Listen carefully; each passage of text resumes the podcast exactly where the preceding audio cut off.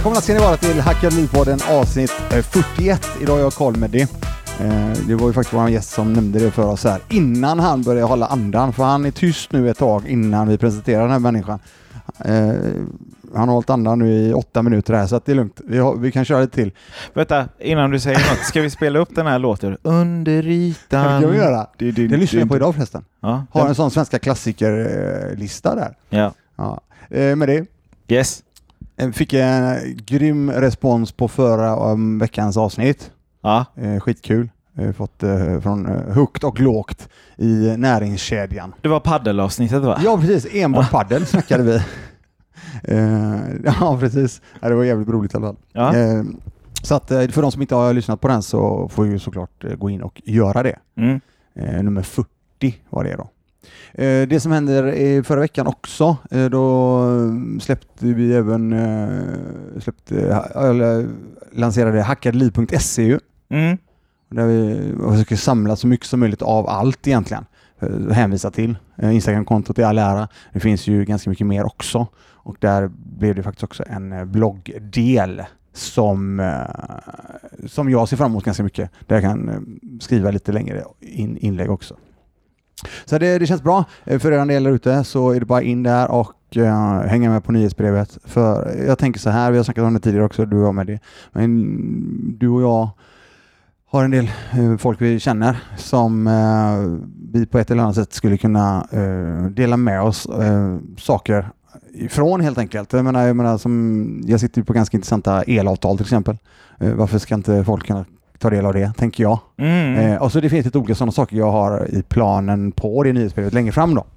Så eh, hoppas att eh, kunna dela med oss eh, så mycket som möjligt av och addera mervärde helt enkelt. Mm.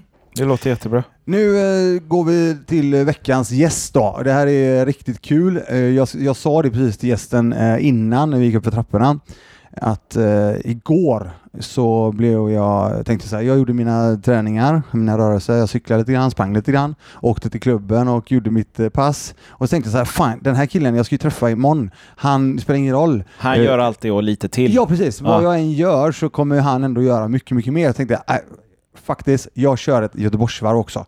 Bara för att. Så att det blev det och det är faktiskt eh, gästens fel helt och hållet och eh, det är ett eh, stort nöje att eh, presentera eh, dagens gäst. Nu får han andas igen då. Eh, Rami Aziz, välkommen. Tack. Blir det nio minuter? Eller vad är det nu när vi snackar om att hålla andan? För det är, det det det är ditt nya grej. Ja, alltså nio minuter är målet.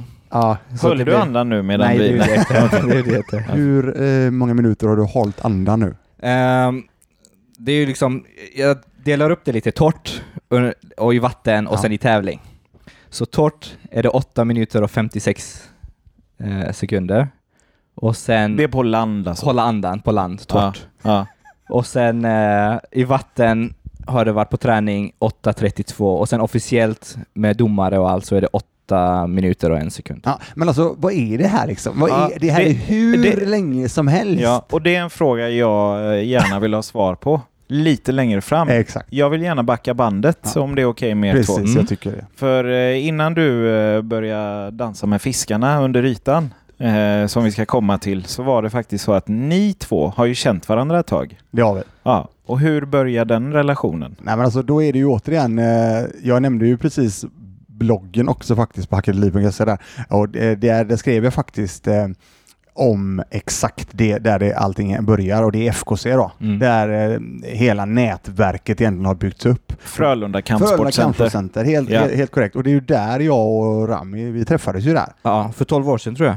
Eller 10, Ja, 12. eh, precis. Du är ju, vad jag vet så var du där ett halvår före mig. Då var jag 16 år typ. Ja. Ja. Okej, Rami var där Eh, Aha, innan ja, dig alltså. Ett halvår-. Ja. På Initialt, Eller ja, jag hade ju en grupp som han var med i. initialt var det Rami ehm, som var där. Jag tror du började i december va? 06. Mm. Ja, precis. Jag började september eh, 07. 07.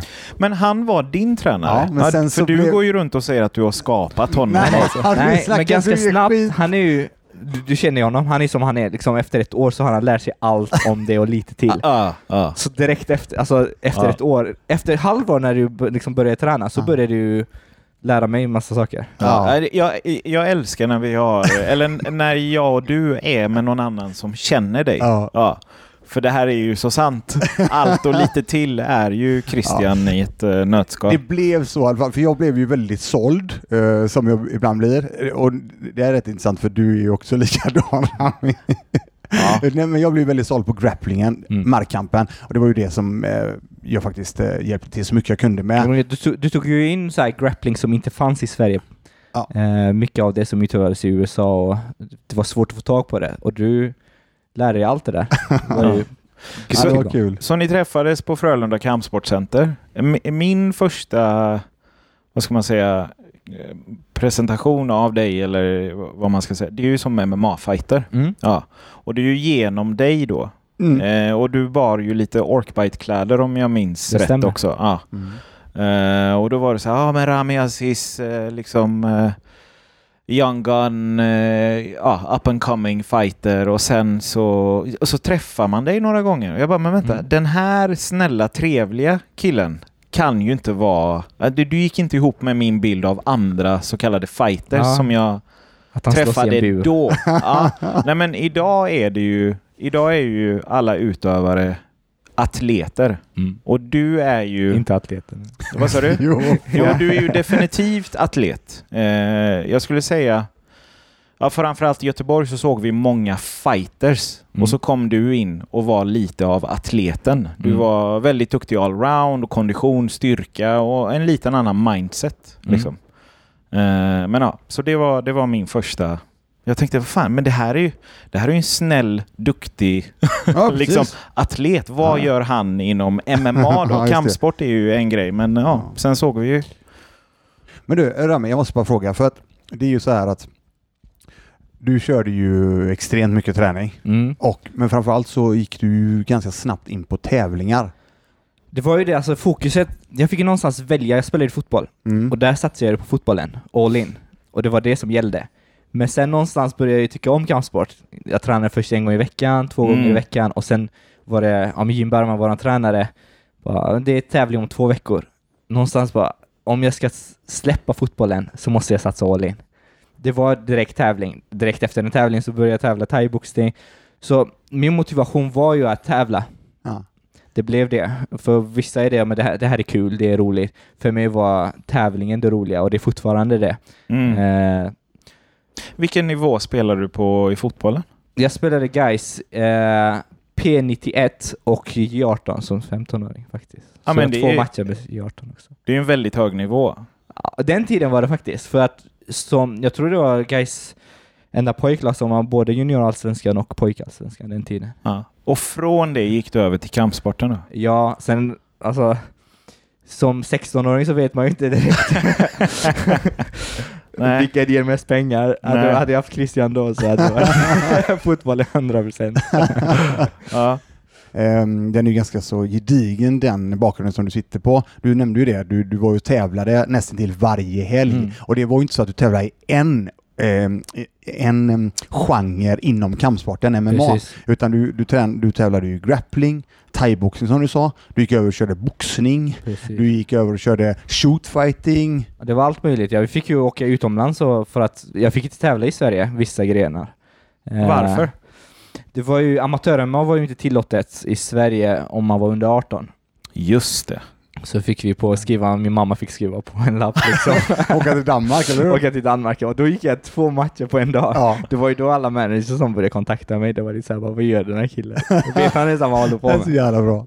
Och det bästa var ju att folk runt omkring mig var ju inte sådana som sa men Rami, tänk på det här, det kan vara farligt eller eh, de trodde verkligen på mig och det gav mig så mycket motiv- motivation att jag gick in 100%. Det fanns Mm. inget mer än vinst. Alltså även om jag förlorade vissa matcher och så, men jag hade ju sån självförtroende på grund av de jag tränade med eh, gav mig det självförtroendet då. Mm. Men efter det, så, och det var ju mer den amatördelen. Men Sen gick du ju över och blev faktiskt eh, MMA-proffs Mm. också då. Jag var faktiskt fortfarande 17 när jag skrev på, så då var det ju Jim Bergman och mina föräldrar som fick skriva, var med som med i det kontraktet när det skrevs på. Just det. Men sen fyllde jag 18 när jag gick matchen. Just det. För det var just kontraktet Mm. skrev på innan. Hur många matcher blev det nu då när, som, som proffs? Som proffs i MMA Ja. blev det 13. Tror jag. Mm. Så det är inte jättemånga egentligen Det är med, ju- jämfört med 100 Ja, amatörmatcher. fast det är ju väldigt många matcher. Ja. 13 proffsmatcher. Jo, absolut, men tänk då på hur många amatör, som du sa precis, hur många Ja. amatörmatcher du har gått i Det, alla alltså, jag kan olika inte grenar. Det är jag, helt, jag, jag eh, tror någonstans vid mycket. 2012 räknade jag att jag var över 300 grappling och allt med boxningen. Ja. Allt som jag räknade och det, jag har ju tappat räkningen. Ja.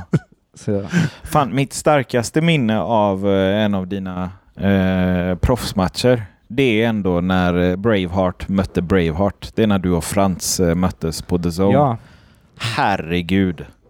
Jag hade ju ingen aning om vem Frans var. Nej. Snackade med hans managers och sådär. Eh, eller hans manager var det ju då. Eh, bara, ah, men den här killen har hjärta. Jag bara, ja ah, men det räcker ju inte. För det har ju Rami också.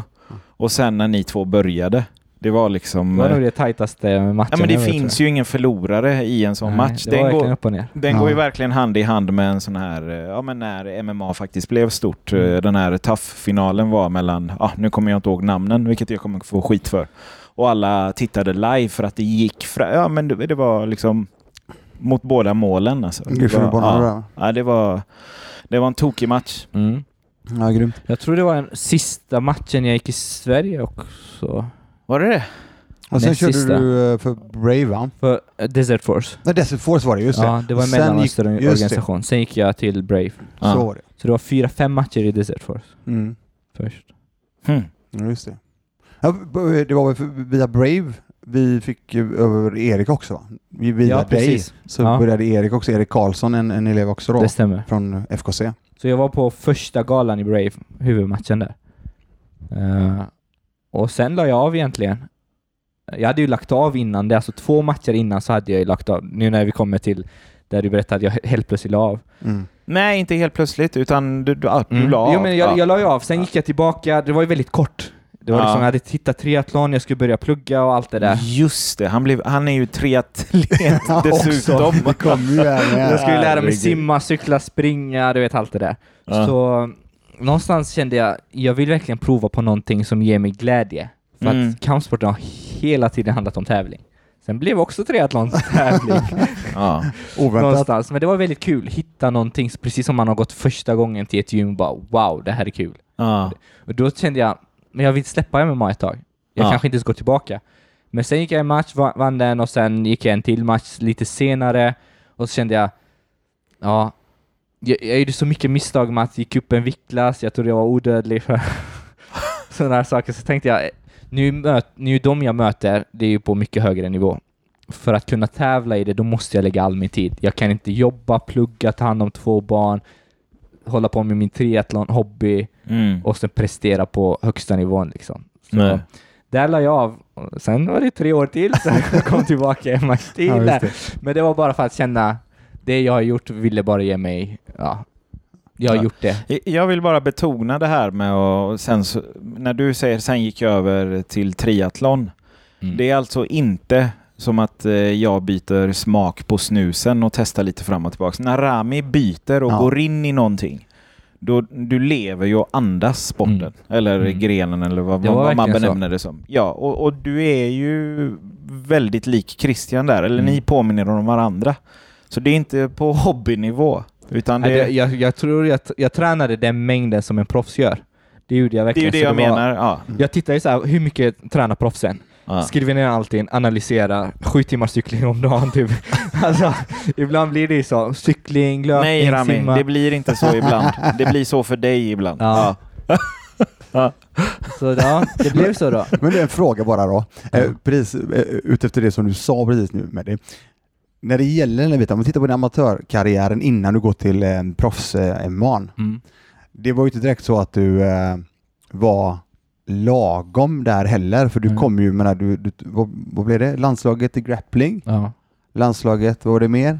Det var det mesta? Det är ju fridykningen då nu, men, Ja, eh, men alltså du gra- var ju- grappling den tiden. Och sen blev jag proffs, så jag hann aldrig gå amatör-MMA i landslaget. Det Nej, fanns just inte det. då. Nej precis, de hade inte Det var efter att jag då. blev proffs. Eh, så exakt. har Så det har varit väldigt, väldigt hög nivå Ja. eh, från dag ett egentligen. Mm. Eh, ja, till, tillbaka till eh, tri triathlon och så vidare. Hur, alltså, hur, hur länge körde du det? tror två, tre år ordentligt. Jag lärde mig si- simma från noll. Och till slut var jag För du kunde inte faktiskt simma med innan va? Jag kunde inte simma Nej. alls. Nej, jag, men- inte. jag gick verkligen en kråkkurs. Ja, vad menar du med kunde? Jo, du kunde du flöt. Så här är det, jag flöt. Det, en, det jag klarade var ju sexan. Eller fyran, fyran, femman när jag kom till Sverige då. Så skulle vi göra här test. Ja. Man skulle simma. Då var det någon klasskamrat bara nu måste vi lära oss det här annars kommer det bli att vi inte klarar. så han bara putte mig i vattnet och bara började splattra. Så jag hundsimmade 200 meter för att klara det där. För att överleva liksom. Sen simmade jag inte så mycket mer. Nej. Jag och Du min... skojar? Nej jag skojar inte. Det var verkligen, jag, jag un- undvek vatten. Jag, jag gick så här till simbas- simhallen två gånger under de här tio åren. Så. och då var det så här, all, alla men äldre pensionärer simmade ju om. Och då var bara, nej alltså det här är ju... Så du lärde dig att simma för triathlon skull? Ja, det var Det ju... är som att jag ska skaffa körkort för att jag ska bli racerförare. Ja. Liksom. Nej, det är dags. Ja Ja. men det är som, Jag lite som. Christian, alltså han analyserar så här. jag tittade ju, eh, ja den här crawlkursen, eh, om man går den så får man ett medlemskap i triathlonklubben, jag liksom hittade det där perfekta. Jag Ja. kommer lära mig simma, jag kommer bli medlem i en triathlonklubb. Mervärde. Mervärde, Eller hur? precis. Och Ja. där hittade jag den. Och det, det var Ja, det är väldigt fascinerande. mycket mervärde i det där. Hur, hur, Herregud. kör, hur, körde du några um, triathlonlopp Mm. också? Upp till eh, halvdistans, då är det 21 kilometer löpning. Alltså man simmar 1,9 kilometer och sen cyklar 90 kilometer och springer en halvmara. Så upp till den nivån, inte Mm. längre. Okej. Det gick kanske lite bättre i sprinten eftersom jag varit lite mer explosiv. Alltså. Ja, just det. Men du, en fråga då, eftersom du är inne på vatten nu då. Hur var det sen att du gick över till det här tokiga vi inledde med idag? Alltså, Ja men vänta, det, okej. var någonting däremellan ah, okej. också. Ja, då tar vi det också då. Jo, jo, jo, vänta lite, vi är inte färdiga med, Nej, nej, med vad heter det, händelseförloppet. Vikter kom ju in i bilden någonstans också va? Att du började lyfta? Ja. Mm. ja, men inte så att du tävla utan att du gick in för att lära dig teknik, olympiska lyft Ja, och liksom, eller var det det... gjorde jag redan 2011 efter en träningsläger i USA. Eh, Är det här kampsportsperioden? Kampsportsperioden ja. Okej. Det var ju Martin Brinde, min eh, styrkecoach, som hörde av sig. Jag hade lagt upp en video där jag kör olympiska lyft. Och han Han garvade tyckte, eller? ju, ja, han Ja. tyckte det såg katastrof. Enligt honom så hade min karriär inte fortsatt ett år till om jag hade haft den tekniken. Ja. Så han gick med på att träna mig och den, det samarbetet höll ju i alltså hela, hela vägen. ja. För han är väldigt kompetent som jag har Ja. förstått det. Så Ja. jag hade ju lyxen att jag fick trän, bli tränad av en av de bästa. Och sen blev jag är själv nörd liksom i allt det här, som hur, hur detaljerad man ska vara, hur viktigt det är. Så det gav mig väldigt mycket. Så jag tror också att lyfta ger ju så mycket i annat. Inte Mm. bara kampsporten. Kroppen är redo för att lära sig något annat. Det här neurologiska, att liksom, koordinationen, allt blir så mycket bättre. Du Mm. har ju, kanske du har inte rätt styrka för simningen tills du har simmat, fått en bra mängd i det, men har du bra grundstyrka så kommer det gå mycket fortare. Okej. Så därför blev jag, inte bara att jag lärde mig tekniken rätt i simningen, att jag hade bra styrka, bålen, allt hängde med för att jag skulle få bra flyt, koordinationen och det gjorde mig bättre och bättre. Så lyften har hjälpt dig i allting egentligen Definitivt, det tror jag. Alltså, I alla sporter, även att hålla andan. Det är många som tror att det inte hjälper. Ja, det får du förklara. Hur hjälper Vi den? kan komma till det lite mer specifikt, de här Ja. processerna man håller andan, vad som händer, men när du lyfter max exempelvis så Ja. går högt, blodtrycket väldigt högt. Och det blodtrycket är ju samma som de sista minuterna i en anhållning. Mm. Och har, kan du kontrollera blodtrycket så kan du vara vaken längre. Och sen det här med Men att Vänta, vaken längre, vad menar du? Och inte svimma. inte svimma. Ja. För När du det håller inte, andan Precis, det alltså. är inte bara syrebristen som är problemet. Det är blodtryck också. Högt blodtryck. Ja. Väldigt högt blodtryck. Väldigt högt blodtryck. Där får vi gå, gå djupare i. Apropå Okej. vatten då. ja. Du skrämmer mig lite för att vara ärlig. Men jag är fascinerad Men samtidigt. det du ville ha sagt med det, Ja. det var ju det att du reagerade över hur jävla snygg Rami var i kroppen här när han kom in. Jo, jo. det var men väl det är du ju, sa? Det är ju inte mitt hans fel att han... stora, hans stora trevliga armar och så vidare Ja, som det är du ju inte nämnde. mitt fel att han ser ut som en grekisk gud. Det jag ville lägga till var att eh, killen kan lyfta också. Absolut. Tekniskt snyggt, inte bara Nej. Mm. dra upp något och paja. Men det är den tiden man lägger på någonting, det blir man ju bra på. Så, och jag, jag la väldigt mycket tid på att bli bra, komplett, bli komplett. Komplett var väldigt viktigt för mig. Jag har jag bra kondition, men inte styrkan, då känner jag mig liksom att men det saknas någonting. Jag vill inte gå en match och känna att jag, jag saknar någonting.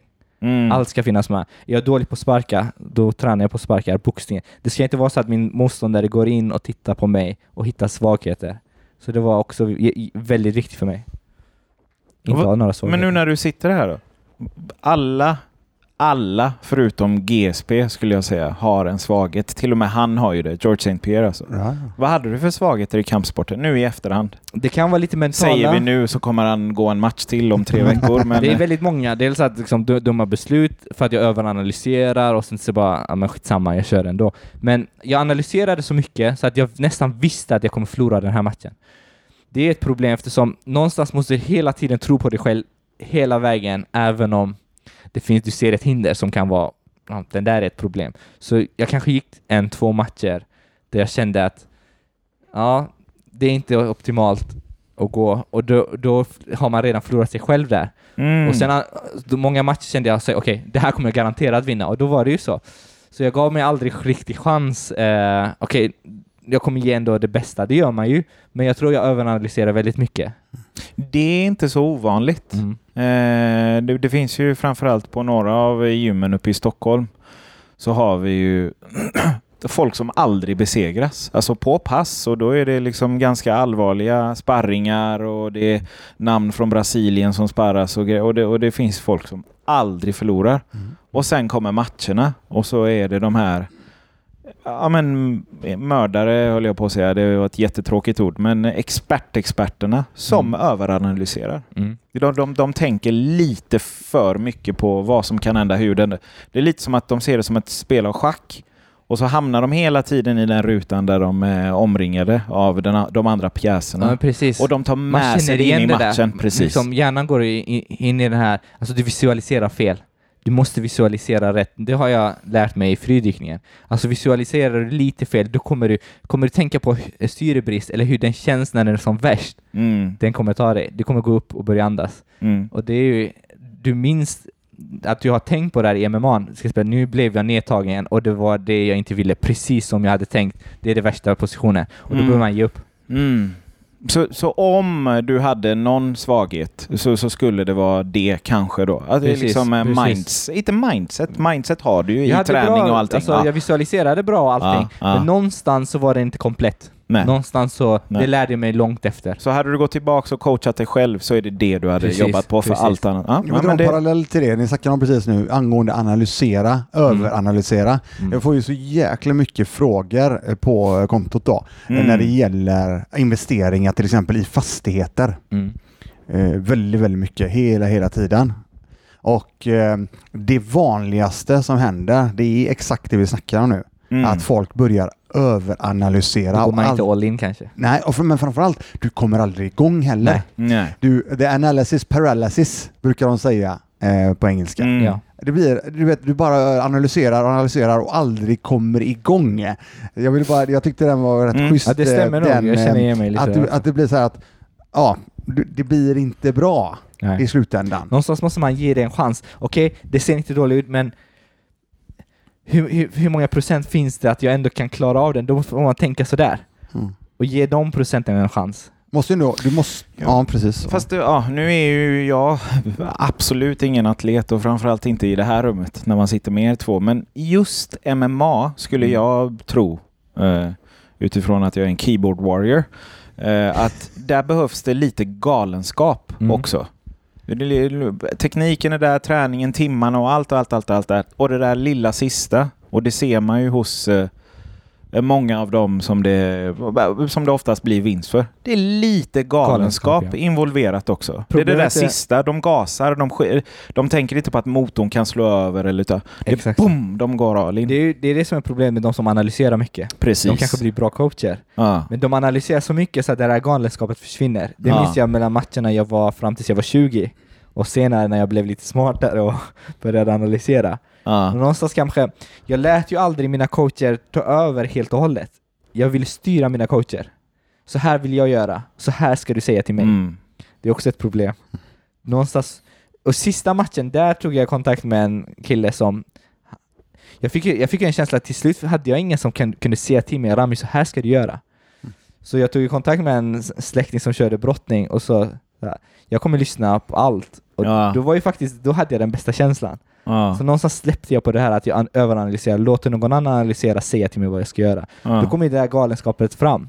För jag litar på den andra personen. Så ensam är man inte, inte så stark kampsport även om man är ensam i buren. Och okej. Då måste man ge andra Mm. förtroende. Mm. Nice.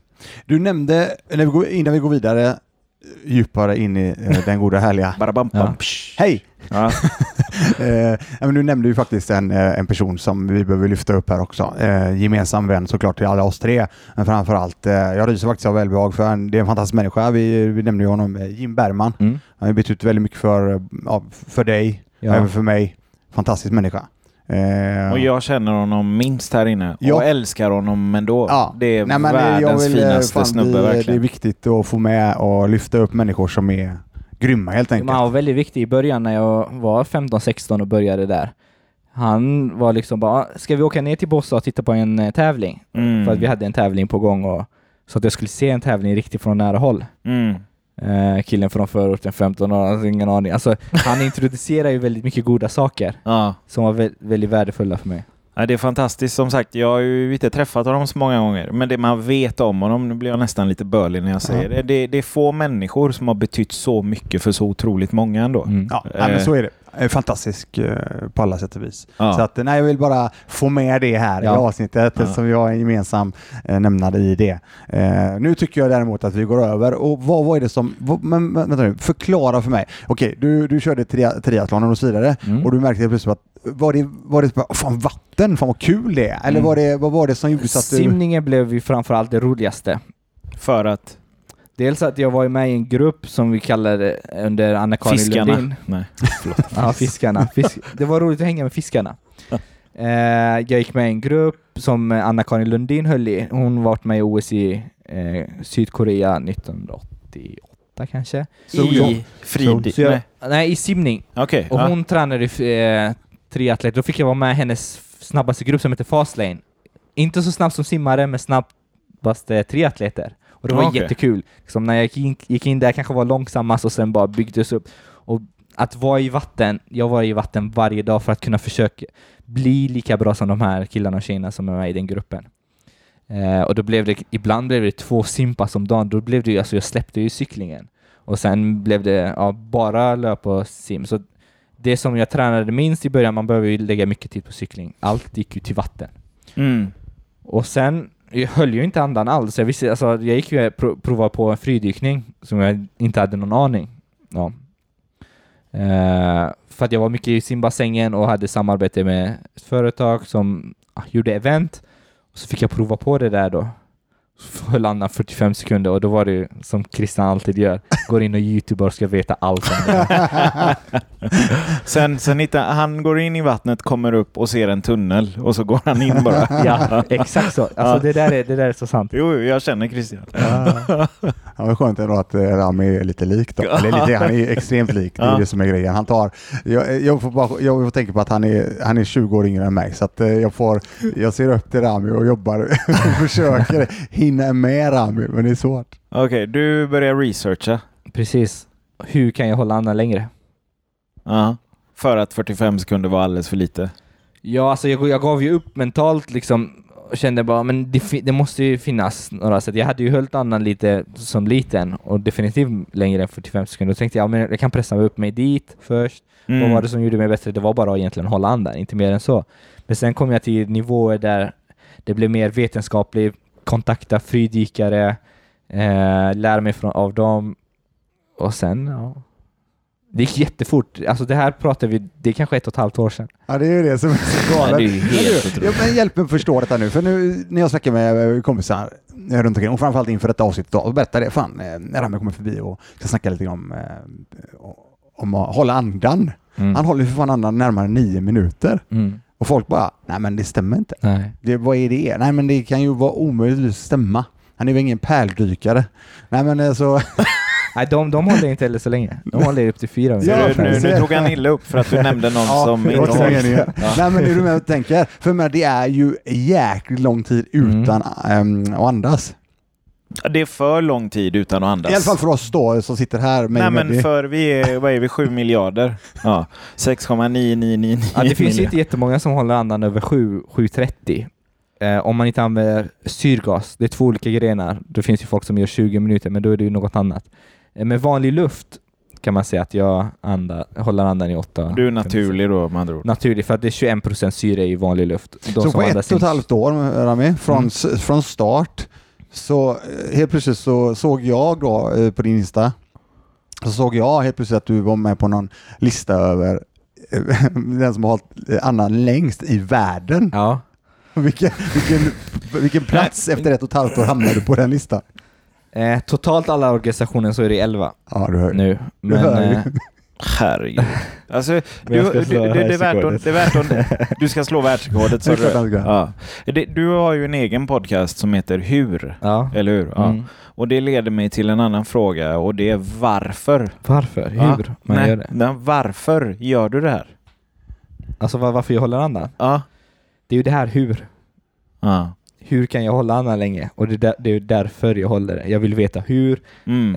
eh, ska lära mig allt om det. Och sen någonstans när jag lär mig så mycket om det, då blir jag så självsäker. Eh, det är möjligt. Och det här med att slå världsrekordet, definitivt är det möjligt. Alltså lungkapacitet, det är så mycket. Och han som har egentligen världsrekordet, eller är av de som fortfarande är aktuella, Mm. Eh, För av de, av de aktuella är det är elfte på plats, men historisk är det lite längre bak. Han som är etta nu eh, har jag bra samarbete med, så jag också hjälper Är honom. han svensk eller? Nej, han är från Frankrike som bor i Thailand. Okej. Eh, han ska slå världsrekordet nu och det är med och gjort hans program. Som är, det är kondition och styrkan som behövs Så för det. du coachar din motståndare alltså? Efter ett och ett halvt år. Nej, jag coachar Ja, han som ska kollar. slå världsrekord, men det är för att han vet att jag har en bakgrund som är väldigt unik, lärde mig väldigt fort. Jag har andra metoder som han inte är van vid, som Mm. han har inte använt under de här tio åren. Mm. Så, som en liksom annorlunda grej också, att han, han vill lyssna på någon som bara säger till också. Det, Mm. det har varit länge att han har coachat sig själv, Mm. pratar mycket om det här och nu har jag lärt mig massor om att hur man ska hålla andan, men även om jag gör programmet för honom så gör han programmet för mig. Så att vi ska ha folk som, eller någon som säger till oss, precis som det jag saknade i slutet av MMA. Mm. Att någonstans börja styra Ja. själv. Och Ja. det, det är ju inte så jättebra för att då överanalyserar man eh, fel saker ibland också. Men du, Det är jag, svårt att förklara. jag, bara, ja, jag du nämnde det precis med det. Hur och varför, varför och hur. Mm. Det är också en grej som eh, jag drar tillbaka till när jag drog igång det som jag gjorde här nu med den Mm. resan som är på här. Ehm, och det var det att jag, jag brukar alltid säga det att försöka hitta sitt varför. Mm. Och när du hittat ditt varför, då kommer du hitta hur Exakt. du ska ta dig någonstans. Mm. Tycker du det stämmer, rätt, Det, det stäm- stämmer överens 100 procent. Ja. över det du säger? Mm. Ja. För jag tycker det är, Det är hela tiden där fram och tillbaka. ja, kan applicera det på egentligen vad som helst, eller hur? Mm. Varför kommer det oftast när någon frågar mig varför gör du det här? annars, annars är jag hela tiden på hur och ska jag bli bättre och Ja. bättre. Mm. Men, det- men grejen är så här, jag snackade lite grann, jag, jag, jag, även där låg jag en eh, bloggpost faktiskt igår tror jag, angående att lyssna. Mm. Att inte höra utan att lyssna. Lyssna. Hur jäkla viktigt det är och vilken skillnad det är på att höra och lyssna. Höra är ju väldigt, väldigt ytligt. Är du med? Så det, är, Mm. det är inte så att du går djupt, du, du tar, tar, till dig så jävla mycket av det. Och det är just det som är varför det. Jag Förlåt, tycker- vad sa du nu? Jag lyssnade inte. Han är en rolig kille. Apropå uh, trumvirveln förut. Bara Ja. Nej men eh, apropå ehm, det här varför. Du, du sa det också. Men Mm. om du tar varför och frågar dig varför flera gånger. Då kommer du komma djupare, djupare, djupare in i ditt varför. Mm. Samma fråga, varför hela tiden? Och så skalar du av den här, skalar du den här löken eller vad fan du skalar och, eh, hela tiden. Skal, skal, skal. Och till slut så kommer du kunna hitta varför. Precis. Ett exempel då för min egen del. När jag, helt plötsligt, jag, jag, jag landade ju att jag ville bli ekonomiskt fri, men varför ville jag det då? Mm. Ja, nej men det är gött med pengar. Ja, men varför är det gott med pengar? Är du med mig? Så ställer du den frågan hela tiden i ganska många led ner. Ja, det landade då i slutändan att jag vill känna mig trygg. Mm. Mm. Trygghet var det för mig. Mm. Då har jag tagit mig dit ner istället för att ja, jag ska ha de här pengarna. Ja, men vänta nu. Det är ju väldigt ytligt. Så Mm. du ska djupt ner, hitta ett varför. Därifrån hittar du hur. Och känna trygghet i slutändan. Och det är precis det jag känner igen. Alltså det du beskriver dyker ju upp i skallen när jag håller andan. För åtta minuter är ju så lång, så man går igenom varför gör jag det här? Alltså det är så jobbigt ibland. Varför gör jag det här? Men vad är det jag har gjort? Och så allt det där gör man ju för att känna trygghet så mycket för att jag ska spara varenda syremolekyl som finns. Ja. Mm. Alltså om man går i detaljer så gör det jättemycket att man har man vet vad man gör, varför och hur. Mm. Mm. Ja, det är grymma. Men du, jag måste bara fråga, eh, för våra lyssnare nu då, och även framförallt, jag, jag vet ju, för jag kontaktade dig, för jag, vi snackade om detta faktiskt för över ett år sedan när du hade dragit igång en stund Ja. med just att hålla handan. Och då sa jag det, fan jag kanske ska hänga med någon gång, du vet. Men det, Nej, gör, men nej, stopp nu. Gör inte det. Nej men lyssna, Nej, jag, ska orkar förklara inte. mig. Jag ska Ja, förklara detta nu. För fan. att jag gjorde ju faktiskt att jag kontaktade dig för jag tyckte Ja. det, fan det här är ju intressant. Men för mig var, är det inte så intressant just där och då. Ja, tack för, annars hade jag ju, nej, men för då hade jag ändå då hade jag gjort det. Då hade jag hängt med. Intresse är viktigt. Exakt. Men, och det är ingen säger att jag inte kommer göra det heller och testa. Mm. Men, och det, det jag vill fråga då är att Finns det några ö- ganska enkla övningar där vi kan gå ifrån till exempel dina 45 sekunder till helt plötsligt att göra två och en halv minut eller Mm. någonting? Egentligen finns det inga enkla övningar. Det är det vanligaste frågan många frågar. Det finns som att, som att jag ska ge dem, ge dem ett tips och så helt plötsligt håller de andan i två minuter. Någonstans måste det komma till den gränsen att det är faktiskt väldigt jobbigt. Mm. Kroppen måste lära sig att spara syre och för att den ska lära sig så måste den känna oj, panik, det här är akut. Jag måste slå av vissa signaler, liksom neurologiskt. Att du måste slappna av så mycket och det är därför egentligen man svimmar när man håller andan mycket eller inte får luft. Det är för att kroppen vet att om den inte sparar mer syre så kommer det få hjärnskada. Och då slår då, du svimmar för att alla muskler och allting ska vara så avslappnade så att den sparar på det lilla sista. Så när man drunknar. Men, pausa där lite, eller inte. Slå av signaler neurologiskt säger du. Mm. Ja, det låter ju lite som eh, vad jag vid något tillfälle har läst om meditation. Mm. Är det, går det åt samma håll? Ja, alltså tankarna när du väl är i bassängen? Eller? Du vill göra det medvetet men ändå inte medvetet. Nu ska jag förklara vad jag menar. Ja. Eh, du tränar, du mediterar extremt djupt genom att använda självhypnos, eh, olika metoder för att gå in i en viss trans. Förlåt Rami, i vattnet eller utanför? Det spelar ingen roll. Du ska Okej. träna Ja. på att hamna i det, det stadiet där Ja. tiden går väldigt fort. Ja. Och då mediterar du för att känna igen det här. Du hamnar i det här undermedvetna mycket snabbare ju mer du gör det. Eh, och, eh, och där blir det ju som att kroppen börjar spara syre för att du är så avslappnad. Det finns ingenting som... Eh, att du slösar inte energi på något sätt. Eh, så när du är medveten, bara tankarna kostar ju energi. Alltså hjärnan har ju mycket, det drar mycket syre. Så jag vill ju hamna i en viss ja, trans genom att meditera, öva på det här. Eh, och det, egentligen är du en av de viktigaste när man håller andan. Helt avslappnat. Inte en rörelse. Om man pratar om att hålla andan statiskt. Sen när man simmar är det helt annan grej. Jag med Mm. de grejerna också. Men, eh, det du nämnde precis. Eh, säg att du imorgon blir intresserad av amerikansk fotboll och vill vara med Mm. i NFL och släpper det här med att hålla andan. Den metoden du precis sa, den går väl att tillämpa på återhämtning, sömn, alltså för att klara av stress? Eller är, det så? Ja. Definitivt. Alltså, eh, någonstans hade, det, hade jag vetat om det här, man vill ju alltid dra tillbaka till Jo, jo, Hade jo, jag vetat jo. det här när jag var 16 så hade jag varit världsmästare. Alltså. Typ så. Men nå- det är ju sådana här saker som inte går att överföra om bara någon säger till dig. Det finns många coacher, de berättar, pratar om självhypnos, meditation. Men någonstans måste du ta det till en viss gräns där det verkligen ger resultat och känns på riktigt. Mm. Och jag vet att det här hade jag inte kunnat hantera när jag var 16 eller så. Det det måste ha tagit sin tid. Mm. Det måste ta sin tid. Mm. Även om jag vrider tillbaka tiden så kanske inte går. Mike. Tyson, eh, jag vet inte om ni lyssnade på avsnittet med honom och Joe Rogan. Jo då. Hans första tränare satte ju honom i hypnos, ofta. Mm.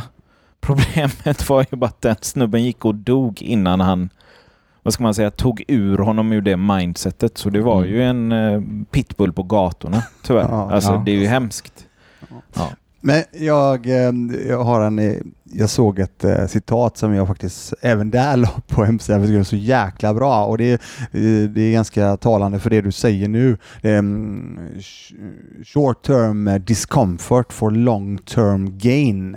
Mm. Och det, det ligger väldigt mycket i det du säger för du får ju, måste utmana dig jäkligt mycket i Precis. korta sessioner såklart, men för att komma någonstans. Mm. Det är exakt det du sa. Jag menar, jag, här sitter jag och frågar om, finns det någon ninja-väg för att jag Ja. kan öka min äh, äh, hållning av andning? Men, men alltså det, i det här fallet är det inte det, utan du får ju, du, du, du, det är ju suffering. Alltså det Precis. är ju, Mm. du måste ju utmana dig hela tiden. Hela tiden, ja. Så Öka För att få resultat. CO2-nivån i blodet, det är ju smärtsamt. Ja. Du vill inte, alltså det värsta, det finns ju en studie de gjorde på en kvinna som var, eh, hade skadat amygdalen Mm. i hjärnan. Det är ju den delen av hjärnan som gör att vi får panik, rädsla, känner, känner rädsla framför allt, att man, man kanske undviker visst område. att Ja, Man men överlevnadsinstinkter. Precis. Ja. Hon var ju, hon hade skadat en del, så de gjorde ju en del studier på henne om hur kan den aktiveras. Så till slut, all, ingenting funkade och till slut så fick hon andas in koldioxid. Och då fick hon panik. Hon kunde liksom gå i New York downtown och bli rånad och göra misstaget igen. Ja. Och det här, den aktiverades inte att hon, liksom, att hon ska inte göra samma misstag igen, men koldioxid vill hon inte andas igen. Så Nej. det är det värsta vi kan uppleva. Ju mer du gör liksom med CO2 så tränar du den delen av hjärnan också. Det är lite färskvara, men eh, paniken, att få panik kostar mycket syre. Så du måste repetera, repetera, alltså hög mängd kontinuitet.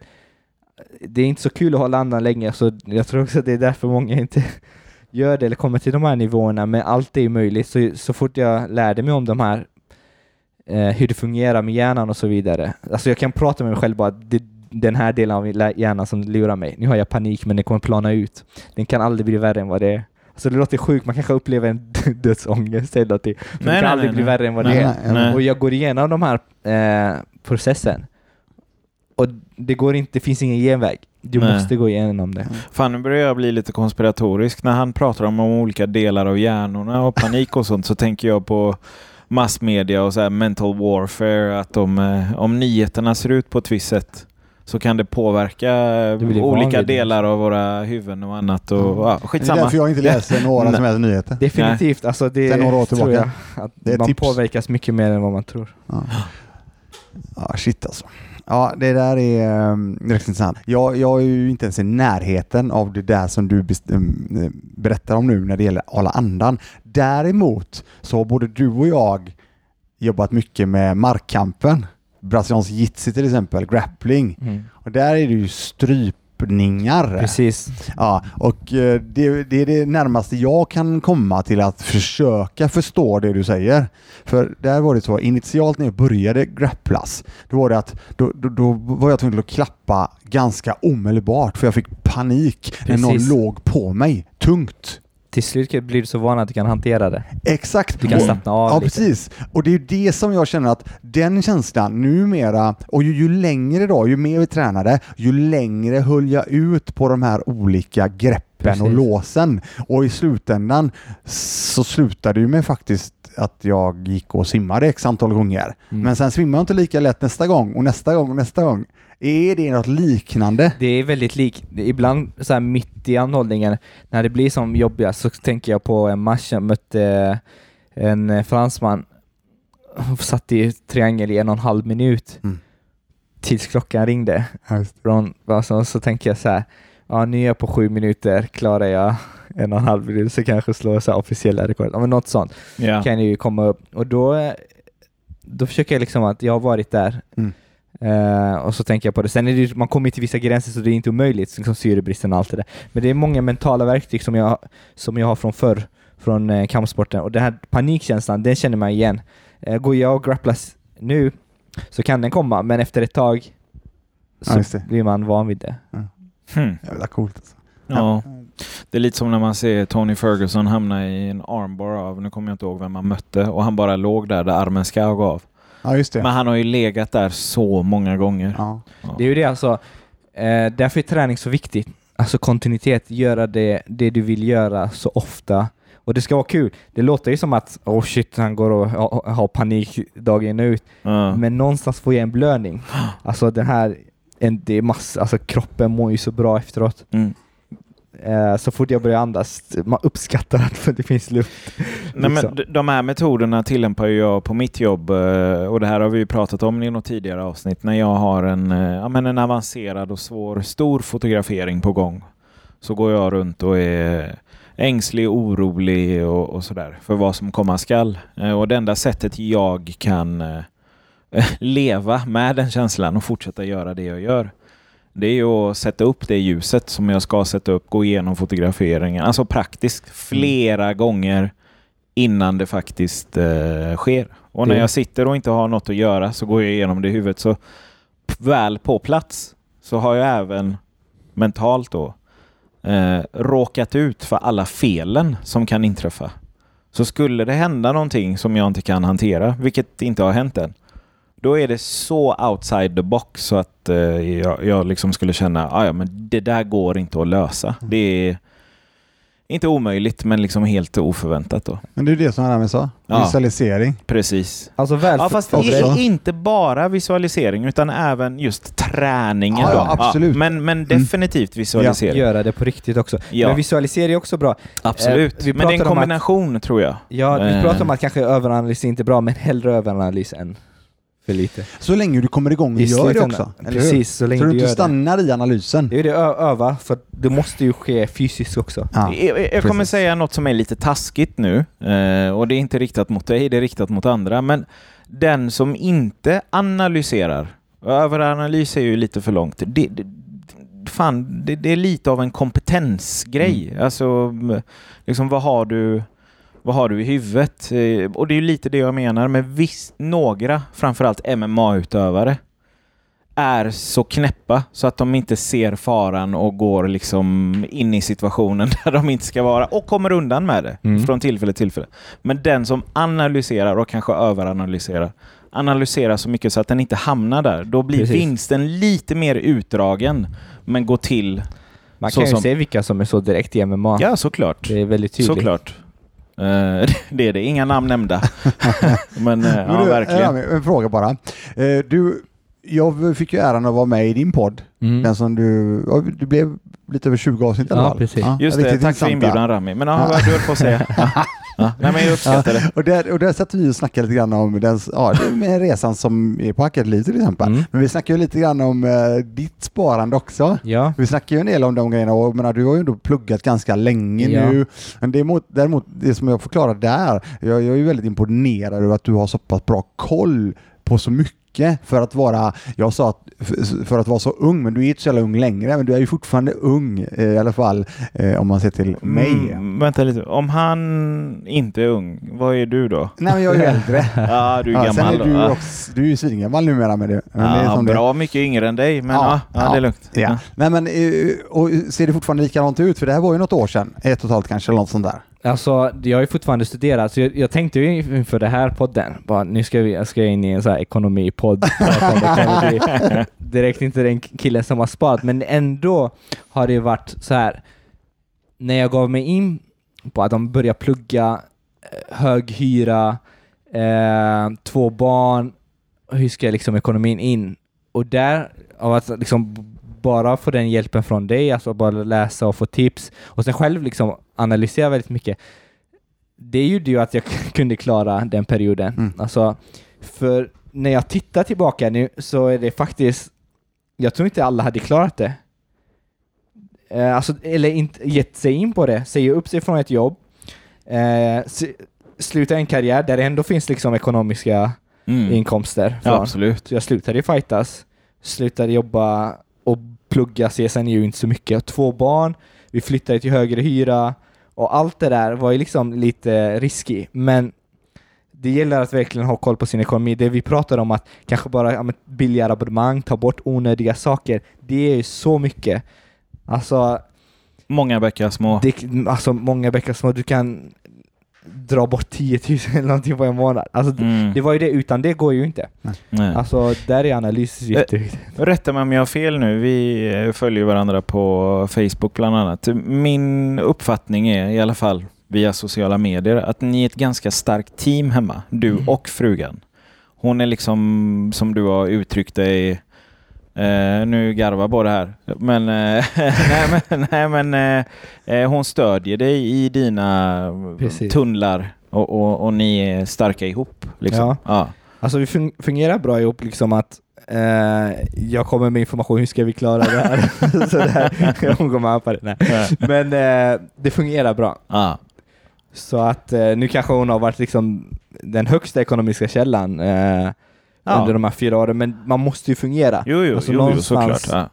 Ska det fungera i ett förhållande, man, har, man måste ju lyssna på den andras mål, jag ville plugga, jag ville göra det här. Ja. eh, och förklara för henne och hon går med på, på det även om hon kände att ja, men det är ju inte direkt liksom den bästa ekonomiska lösningen. Nej, men det är en investering i Investering, båda. precis. Ja, Vi ja. kunde ju alltså, när vi tänker tillbaka i investering, vi var någonstans igång med att vi hade sparande, Mm. eh, köpa första lägenheten och allting. Vi var väldigt unga, sen kom barn och sen Mm. vissa saker som jag fortfarande ville göra helst så tidigt som möjligt. Mm. Eh, för att jag kände att men innan jag är 30 eller att barnet är sju år gammal och går ettan så vill jag någonstans ha gjort klart de här sakerna. Mm. Så då fick vi offra, Mm. eller ja. Och sen, sen var det Christian, alltså att tänka på Christian när han började när han var 40. Ja, precis. alltså bara det är aldrig för sent. Nej. Nej. Så det gav ju, de här dipparna som kan komma var jag gett mig på. Mm. Det är verkligen jobbigt. Eh, och det- Överanalyseringen menar du? Precis, ja. Tre år kvar. Ja. Och nu har jag inte så mycket konto liksom hela tiden som det var förr. Mm. Och att jag måste hela tiden hålla ut. Men att ja, men alltså, hitta inspirationskällor, det är det viktigaste som finns. Ja. Och Hitta andra det. som har visat att det går. Visat att det går. Ja, men om man nu tittar då eh, på det. Nu är vi några år framåt igen då, från Mm. det att du började plugga till exempel. Visst har det funkat bra ändå med pengarna? Det- Alltså det är det som är det sjuka. Jag, jag tänker så här, det här är sista månaden jag inte har en riktig lön. Ja. Från nästa månad kommer jag liksom 100%. Då tänker jag bara, herregud, det kommer, nu måste jag hålla mig i schack för att det kommer bli så mycket helt annorlunda. Ja. Eh, det har gett så mycket att kunna leva så här också. Mm. Hela Så tiden. i, i eh, princip spara. kan det vara så att nu när du som själv, du själv sa går över till riktig lön. Mm. Allt utöver det ni behöver är ju bara att spara i princip. Egentligen. Det går ju det- för ni, alltså- ni mår ju bra allihopa och, och du gör det du vill göra och så, eller hur? Allt det här jag följer på sociala medier om sparande, Ja. allt det här har jag liksom bara laddat, laddat, laddat bara. Så jag bara, allt det där sparar du, de här 2000, de ska rakt in i investering. Ja, så här, typ, ja. tänker Nej. på.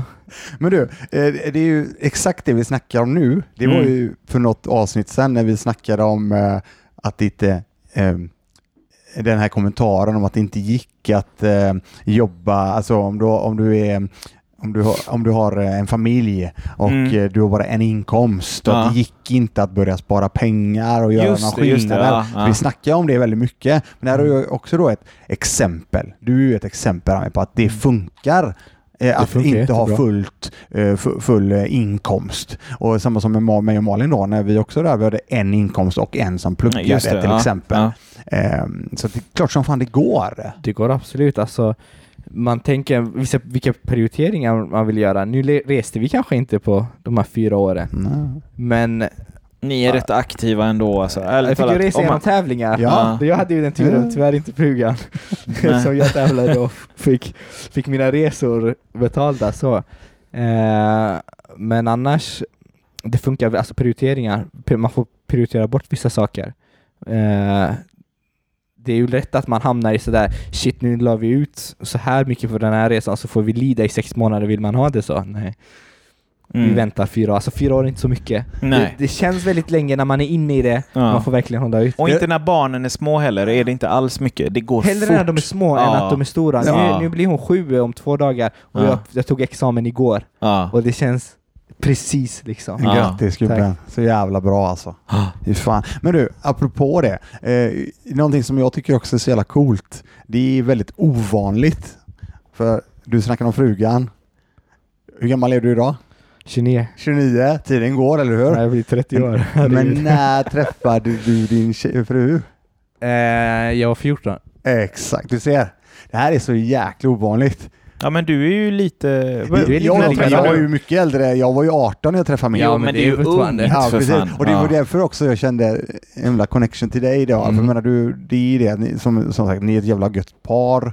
Ehm, och det är det det handlar om. Jag menar, det handlar ju om att Fan, jag, kan, jag hade inte varit ens i närheten av den personen jag är. Jag tror, jag tror det är övergripande över alla vi tre här. Både du och jag då har ju en jättelång historia Mm. med en partner. Alltså Mm. ni, du och din fru har ju växt upp tillsammans. Ja. Det är samma med mig och Malin. Vi har ju växt upp tillsammans. Jag hade ju ingen innan. Malin till exempel. Och det hade ju inte du heller, Ja. vad jag förstår det som. Eh, jag Vilka menar- muppar ni är. Nej alltså. men vi är ju riktiga sådana. Han bara, nu vågar jag inte säga så mycket mer. Nej, Nej men jag, jag, jag står för det och, jag och skojar tar det alla dagar i veckan. det är jättefint. Ja. Det, men det är så jäkla viktigt på, nej men om du ska satsa, oavsett, eh, oavsett om din partner ska satsa eller du ska satsa och du har ett stöd. Mm. Att du har som du sa med, tryggheten, du har en Mm. bas. Skiter sig någonting så har du ändå någonting som finns där. Precis, alltså Mm. hade jag haft en förhållande, låt säga vi går tillbaka fyra år, och om jag hade haft en förhållande med en person som vi hade varit tillsammans i två, tre år, då hade det varit mycket lättare för den personen att säga vad då ska jag sponsra dig i fyra år eller? Mm. Men han har varit haft mycket så här länge, så jag hade haft den turen. Ja. Liksom, ja men vi är ju Och- samma, och vi är det- ju samma liksom. Och det var lite det jag menade med att när man följer er så ser man att fan, ni är verkligen ett team Mm. hemma. Det, Det- är, det är det verkligen den bilden jag får Ja. av er. Det lyfter ju varandra. Ja. Alltså det är inte bara för mig allt det här känns, alltså man kan ju tänka sig bara, ah, nu fick jag ju tog sin utbildning Mm. eh, och så är klar och så. Men jag tror det är så mycket för alla. Mm. Alltså, att leva så, lära sig så mycket eh, och sen när belöningen kommer efteråt också. Fan, jag borde ha ett avsnitt med era fruar om hur Ja, de har om lyckats eh, Ja, nej, om hur vi de har viss- lyckats leva med vi har er. en viss bild i våra hjärnor att nej men så här Nej, nej, är det nej, nej, nog. nej, nej, nej, nej, jag menar inte att ni har fel bild, men liksom det, lär det vara det lär vara ganska intressant om så här, hur de har hackat sina liv kring er och era tunnlar och allt det vad det är ni. Det är deras grej. Men du Ja. eh, Rami, eh, vi gör så här, vi börjar avrunda lite grann. En fråga till dig. Vad är dina mål här nu eh, Mm. kommande? För nu är det 2021 precis ganska nyligen. Ja. Har du några satta mål inför det Jag här har alltid året? satta nu? mål. Jag har alltid i siffror och tider i sekunder. Och jag berättar dem också.